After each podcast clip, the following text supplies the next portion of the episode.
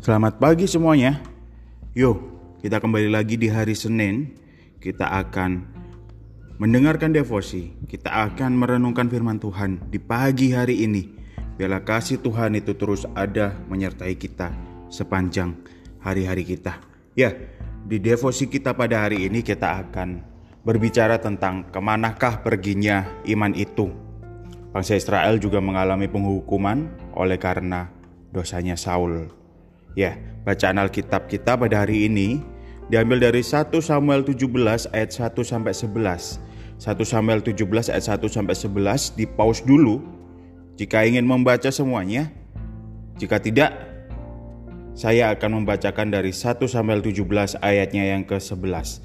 1 Samuel 17 ayat 11 berkata bahwa ketika Saul dan segenap orang Israel mendengar perkataan orang Filistin itu, maka cemaslah hati mereka dan sangat ketakutan. Oke, pada waktu itu Saul sering diganggu oleh roh jahat. Orang Filistin mengerahkan pasukannya untuk menyerang Israel. Pasukan Israel dan pasukan Filistin berkemah di lereng gunung yang letaknya saling berhadapan dengan lembah berada di tengah-tengahnya. Kemudian keluarlah dari tengah-tengah pasukan Filistin seorang pendekar seorang dengan badan seperti raksasa, tingginya kurang lebih 3 meter, bernama Goliat. Ia keluar dengan memakai pakaian perang lengkap yang berat. Ketopang tembaga yang melindungi kepalanya sangat menyilaukan mata ketika terkena pantulan sinar matahari. Goliat belum pernah terkalahkan dalam pertarungan. Gils, sangat kuat nih orang. Pada zaman itu, pertarungan satu lawan satu sangat disukai oleh orang Filistin. Masyarakat Filistin sangat menyanjung orang yang memiliki keterampilan untuk bertarung satu lawan satu. Mungkin hal ini dipengaruhi juga oleh fakta bahwa beberapa bayi yang dilahirkan dalam keluarga Filistin memang memiliki gen raksasa. Goliat berdiri dengan gagah di tengah-tengah lembah, sehingga tubuhnya yang tinggi besar dapat terlihat dengan jelas oleh tentara Israel maupun tentara Filistin. Di sana Goliat menantang tentara Israel untuk melakukan pertarungan satu lawan satu. Hasil dari pertarungan itu akan menentukan hasil peperangan antara Israel dan Filistin. Yang kalah akan menjadi budak yang menang. Mendengar tantangan itu, tentara Israel sangat ketakutan. Tidak ada seorang pun di antara orang Israel yang memiliki tubuh yang menyamai Goliat.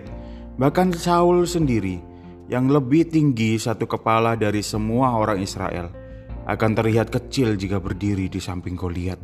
Tetapi hari Goliat, setiap hari Goliat berteriak-teriak di lembah itu untuk mengejek barisan tentara Israel yang sesungguhnya adalah barisan tentara Allah yang hidup.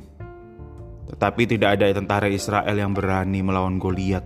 Sedih sekali ya melihat tentara Israel ini, termasuk Saul Bayangkan, termasuk Raja Saul tidak berani menghadapi Goliat. Saul hanya dapat memberi janji bahwa siapa yang berhasil mengalahkan Goliat akan diberi kekayaan yang besar dan diangkat menjadi menantu Saul. Hanya janji tidak berani untuk berdiri menantang Goliat dan keluarganya akan dibebaskan dari pajak.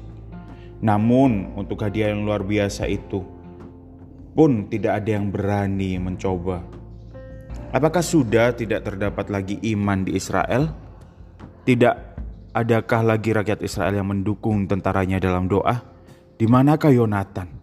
Bukankah ia baru saja menunjukkan imannya dengan berani menyerang pasukan Filistin hanya bersama bujang pembawa senjatanya saja?